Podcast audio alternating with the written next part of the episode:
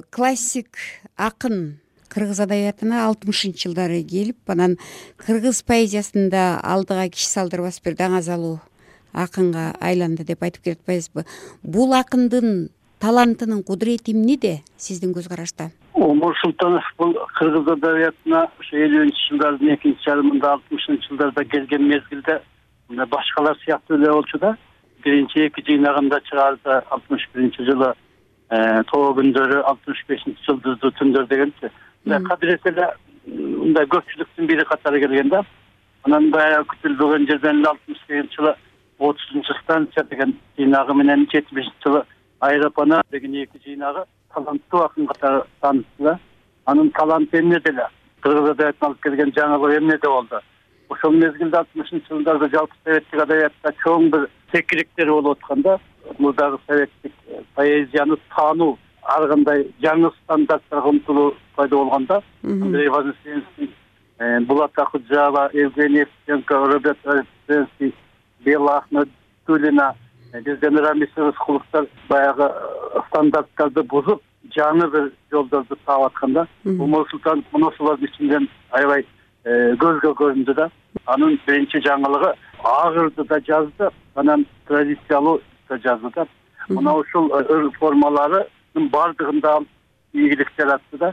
Өзүнүн бир жазганы акындар кечиргиле ырларыңар окшоп совхоздун койлоруна депчи кыргыз акындары жөнүндө айтып атат да э?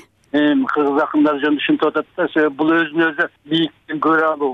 Кыргыз акындарынын ушул новатордук изденүүлөргө түрткү берүү сыяктуу көрүлөт да.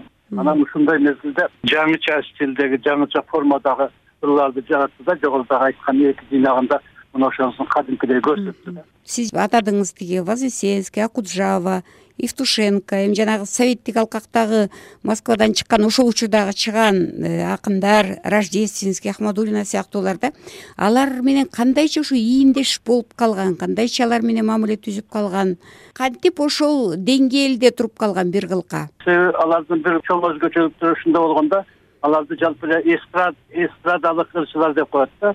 Мындай чоң залдарга чыгып алып аянттарга чыгып алып туруп аудиторияны өздөрүнө каратып алып туруп ошол жерде кадимки баягы артисттерге окшоп ырларын кагаз карабай жатка айтып берип кыйкырып тиги болчу окурмандар ошол убакта аябай активдүү болуп сүрөң кылып жанагылардычы колдоп турган да омур султанов дагы ушундай болгон да. Ал ырларынын баардыгын жатка экен. Анан ошол ырлардын баарын окуганда элди муютуп жанагы аудиторияларды кол чаптырып кыргызстанда болсун мейли россияда болсун сссрдин башка шаарларында болсун ошол адамдарды өзүнө тартып турган да ошон үчүн тигилер э, өздөрү омур султановду таап кошуп алып мындай чөйрөсүнөчү бул бир жака акындар барыш керек болсо э, чет мамлекетке же болбосо сссрдин башка аймактарыначы сөзсүз түрдө султановду кошуп алган да кыргыздардан ким барат ошондой жерлерге ошондой жыйындарга дегенде омур султанов биринчи болуп барып турган да ошондон улам анын ырлары орус тилине которулуп орус тилинен башка тилдерге которулуп ошол алтымышынчы жылдардагы э, кыргыз адабияты кыргыз поэзиясы дегенде э, омур султанов атаган прозасы дегенде кыз айтмашевди поэзиясы дегенде омур султановду э, рамис рыскуловду айтып турушкан да отуз беш жаш мезгилинде бул омур султановдун ушу бүткүл союздук адабиятта өзүнүн жүзүн көрсөткөндүгү бул кыргыз адабиятынын чоң утугу болгон да анан акындын дагы бир артыкчылыгы деп бааласа болобу бул ушул өзү жазгандай чарчагыча жазган э, же болбосо өмүрүнүн акырына чейин талыбай жазган и деңгээли жагынан дагы улам жогорку тепкичке көтөрүлүп отургандай сезилет да. Мисалы үчүн адамдын турмушу ыр романы бир чыгармачылыгынын бийиктиги эң бийик жеткен чеги деп айтса болобу? Ооба ошол э, омур султановдун үч чоң бийиктиги бар да.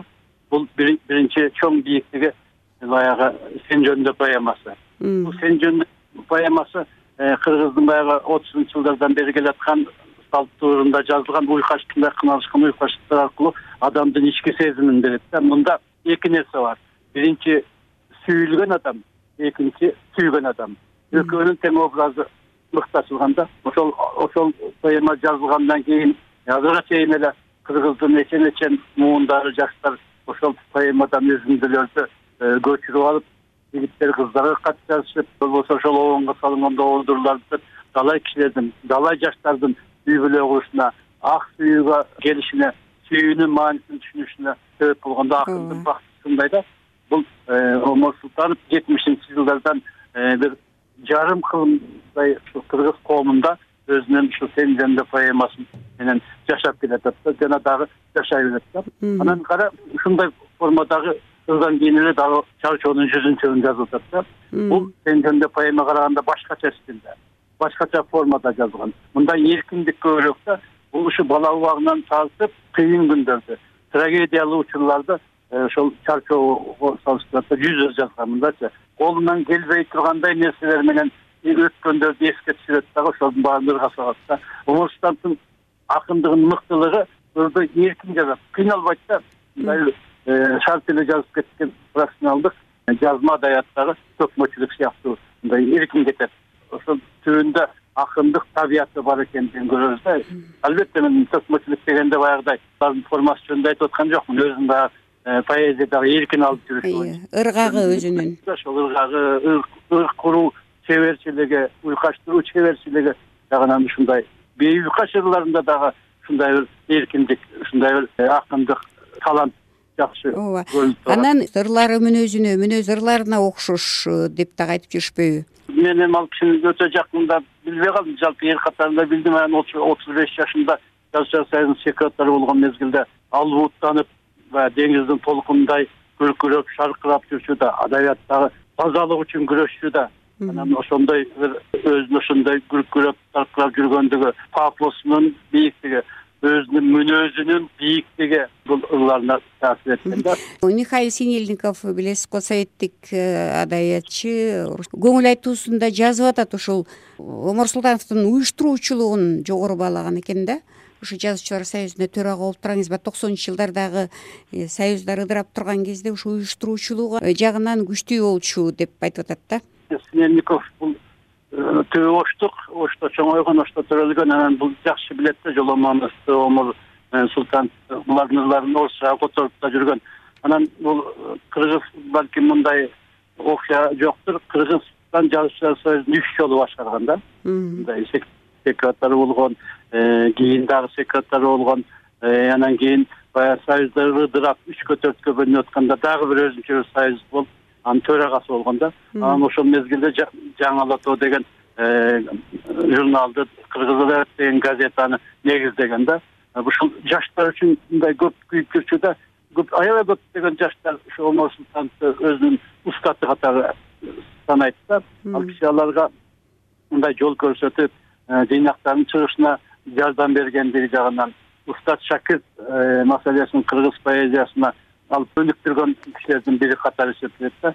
Сен айтпадыңызбы адамдын турмушу деп ошондой ыр менен романды жазыш деген бул ар кимдин колунан келбейт да. Бул үчүн аябай чоң деңгээлдеги акын болуш керек чоң деңгээлдеги адам болуш керек чоң деңгээлдеги ошол отуруш деген киши болуш керек да. Жагынан омар султановдун эмгектери чоң. Анын котормолору дагы мыкты негизи омар султановдун чыгармалары узакка окулса керек кандай дейсиз эмнегедир ушул султановдун бир жакшы бир чыгармасы бар эле да. Студент убакта көпчүлүк иш жазган прозасычы улуу аралдар арасында мыкытка жол э, жана мен айтып аткан ак жол э, деген прозалар эмнегедир окулбай калды да. Э, ушулар бара бара окурмандардын бир жүрөгүнөн түнөк алыш керек да.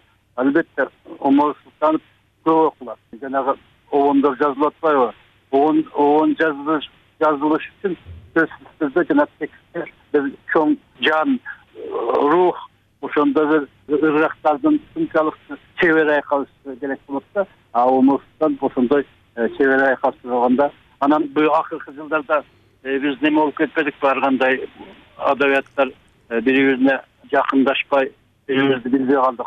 Ошол мезгилде мындай детектив жанрына да кайрылып атпайбы жана пираты неволя остров дракона таинственный всадник двести сто света деген романдар сериясын жазып атпайбы.